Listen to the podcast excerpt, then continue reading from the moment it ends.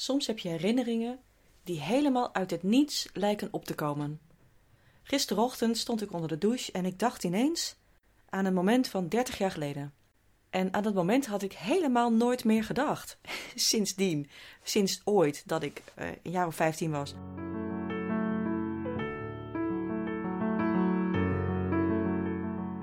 Hi, dit is Janneke op zaterdag.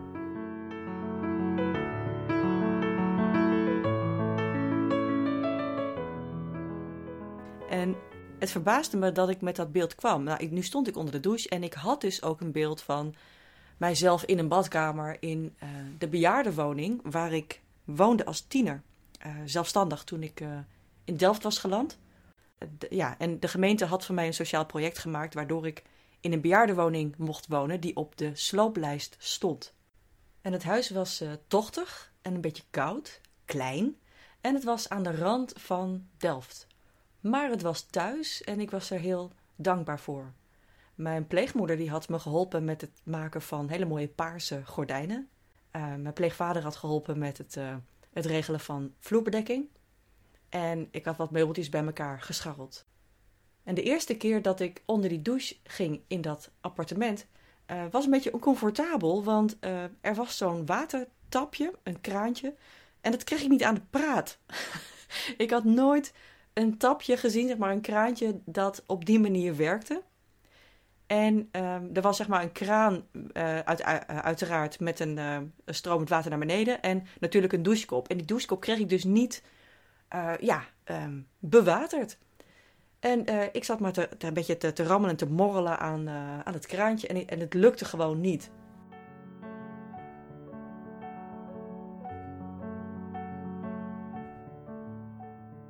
Dus het was wel interessant, want het was winter.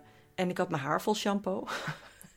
En het heeft me uiteindelijk dus drie dagen gekost uh, voordat dat kraantje werkte. Nu heb ik gelukkig niet drie dagen met shampoo in mijn haar rondgelopen. Maar ik heb dus mezelf een soort van provisorisch staan douchen onder stromend water. Um, vanuit een kraan, eigenlijk als een soort van aanrecht.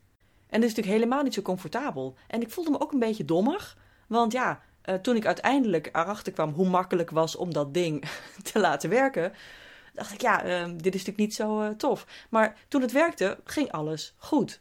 En het is een hele gekke herinnering, maar ik had het ineens in mijn, in mijn hoofd. En toen probeerde ik me te bedenken waarom dit rare moment nu, 30 jaar later, in mijn hoofd opkwam. Zo plotseling. En ik dacht er even over na en toen wist ik het. Er was iets, of er is iets waar ik de afgelopen tijd uh, mee puzzelde. En ik kreeg daar niet helemaal een goed antwoord op voor mezelf. Ik kwam er niet zo goed uit. Het was een, een akelig puzzeltje. En ik leek de oplossing maar niet te vinden. En toen, ja, zag ik het ineens. Je moet gewoon uh, genoeg vertrouwen hebben dat je uiteindelijk dat rare hendeltje weet om te draaien. Dan, werkt, dan zal het allemaal wel goed uitpakken. Dus vertrouwen en experiment en een beetje tijd en een beetje empathie, omdat je soms een beetje onhandig kan zijn dat brengt je toch wel ver. En toen ik dat eenmaal zag, toen dacht ik: oh ja, nu kan ik wel weer fris naar mijn eigen uh, puzzeltje kijken waar ik op dat moment niet uitkwam. En dat brengt me natuurlijk weer op mijn stokpaardje, empathie. Want dat betekent het jezelf plaatsen in andermans schoenen en dan expres, zodat het makkelijker wordt om te begrijpen ja, waar, ze, uh, waar ze mee zitten. En in het voorbeeld van mijn 16-jarige zelf in dat appartement kon ik, zeg maar, vanuit nu 2021 empathie voelen voor dat meisje wat ik toen was. En het suffe probleem waar ik op dat moment mee zat. En ik kon empathie voelen voor de persoon die ik nu ben. Dus eigenlijk was het uitvinden hoe het kraantje werkt, zeg maar het uh, vinden van de oplossing, dat kwam eigenlijk door time travel, tijdreizen, door radicale empathie. En dat kan eigenlijk in een nanoseconde. En dat geeft je ook wat, een klein beetje wijsheid, opluchting en ook vertrouwen dat het wel goed komt. Omdat één deze dagen je die kraan echt wel aan de praat krijgt. Fijn weekend.